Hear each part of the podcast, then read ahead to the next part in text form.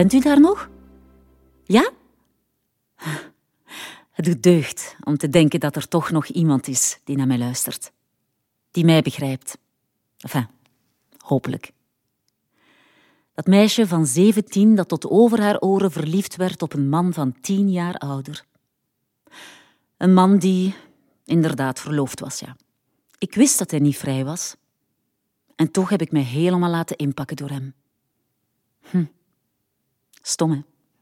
Naïef ook. Maar ik wilde het wel graag. Soms ben ik nog jaloers op dat meisje. Die onbezonnenheid waarmee ik verliefd was. Dat blinde geloof in de kracht van de liefde. Dat heb ik daarna nooit meer gehad. De kracht van de liefde.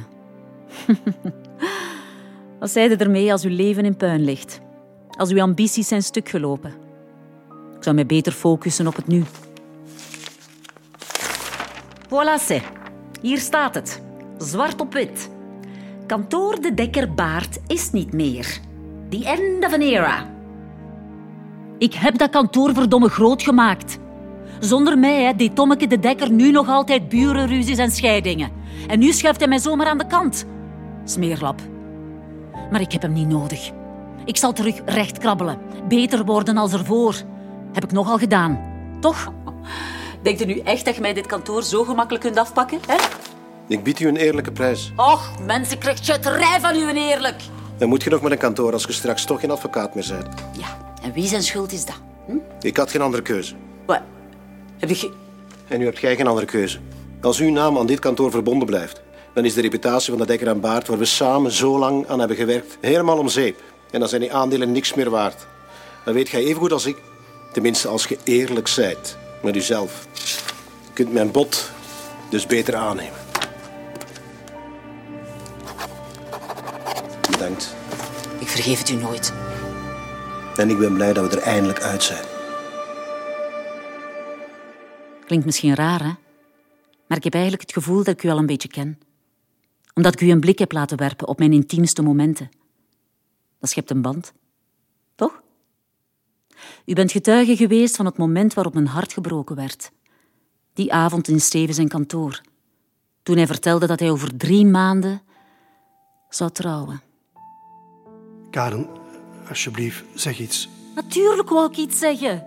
Ik wou wenen. Ik wou Steven door elkaar schudden, roepen dat ik bij hem wou zijn. Dat hij ons niet mocht opgeven, dat hij moest vechten. Maar dat deed ik allemaal niet. Ik wilde mezelf zo niet tonen aan hem. Het voelde alsof ik uit elkaar viel. Maar ik hield mij sterk. Ik heb me vaak afgevraagd hè, of ik dat wel had moeten doen. Of het een verschil had gemaakt. Als ik voor Steven had gevochten, was het dan allemaal anders gelopen? Hadden we dan wel een toekomst gehad? Ik weet het niet. Misschien ja. Misschien ook niet. Soms staat je machteloos, hè. Soms helpt zelfs vechten niet. Zoals bij Tom. Allee, Tom, alstublieft. Wat het goed samen. Hey, ik ben hier wel aan het vechten, hè, voor ons. Waarom vecht jij niet? Omdat er niks meer is om voor te vechten. Weet je wat het ergste van al was? Dat Steven de deur op een kier liet staan. Want hij zei ook dat hij twijfelde. Dat hij niet wist wat hij moest doen. Dat hij mij niet wilde verliezen, maar dat hij tijd nodig had hè, om na te denken. En daarmee smeet hij mij een gevoel van onzekerheid dat mij verteerde.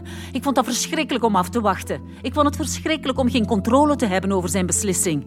Een beslissing die er zelfs niet kwam. Hè? Er waren weken voorbij gegaan.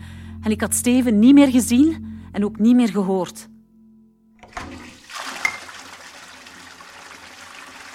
Hmm. Dat is nu al de vierde keer op twee weken tijd dat mijn ontbijt er terug uitkomt. Eerst dacht ik dat ik de griep had of zo, of, of gewoon verdriet om Steven.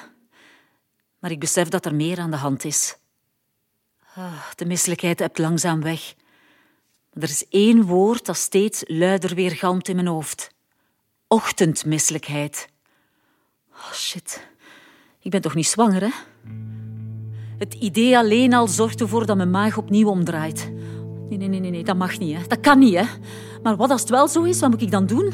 Allee, kom aan, Karen, kom aan. Niet panikeren, hè. Dat is allemaal nog niet zeker. Ik ben niet zwanger. Dat kan gewoon niet, oké? We hebben het altijd veilig gedaan. Ik ben niet zwanger. Er is waarschijnlijk een, uh, ja, logische verklaring voor al dat kotsen. Maar ik ben niet zwanger. Ik blijf die woorden keer op keer herhalen in mijn hoofd, tot ik het uiteindelijk bijna zelf geloof.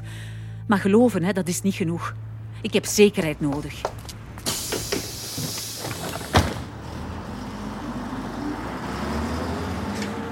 Na school haast ik me naar een winkeltje. Met de bus. Naar de apotheek in de buurt durf ik niet gaan, want mijn moeder komt daar veel te vaak. En ik wil absoluut niet dat iemand mij ziet. Voor de zekerheid rijd ik zelfs tot het volgende dorp. Maar die winkel ken ik natuurlijk niet. Ik vind niet wat ik zoek. Oh, ik loop verloren tussen die rekken. Hè. Op zoek naar die test die zal beslissen over mijn toekomst. Bij de bakken met snoep staan een paar jongens opvallend te treuzelen. Wanneer de man achter de kassa niet kijkt, proppen hun zakken vol met snoep. Die jongens zijn ongeveer even oud als ik. Maar toch, hè. Toch lijken ze uit een totaal andere wereld te komen. Ik ben jaloers. Ik wil zijn zoals hen. Jong, onbezorgd, bang om betrapt te worden terwijl ik snoep aan het stelen ben. Ik wou dat dat mijn grootste zorg was. Ik verlies mijn moed. Ik wil het gewoon opgeven, gewoon naar huis gaan, alles vergeten. Maar dan vind ik wat ik zoek. Naast de condooms dan nog. Ironisch. Ik haast me naar huis. Ik moet het gewoon weten. Allee, klote verpakking. Stomme hè. Ik plas op het staafje. Ik ben bang. Echt bang. En nu moet ik wachten. Paar minuten maar. Eigenlijk is dat niks. En toch waren dat de langste minuten in mijn leven. Elk mogelijk scenario gaat door mijn hoofd. Ik besef dat zo'n onnozel plastieke staafje de rest van mijn leven gaat bepalen. Wat als ik zwanger ben? Wat gaat er dan van mijn leven worden? Kan ik dan nog gaan studeren? En wat gaat mijn moeder zeggen? Dat zijn allemaal vragen. Allemaal vragen en geen antwoorden. Ik focus mij op de scheur in het behang. Probeer al die gedachten uit mijn hoofd te bannen. Het is tijd. Tijd om mijn lot in de ogen te kijken. Met trillende handen neem ik de test vast.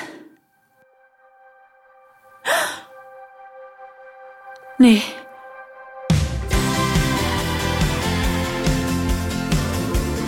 Aflevering gemist? Herbeluister deze en alle vorige afleveringen van Ik Karin via de Radio 2-app. Je bent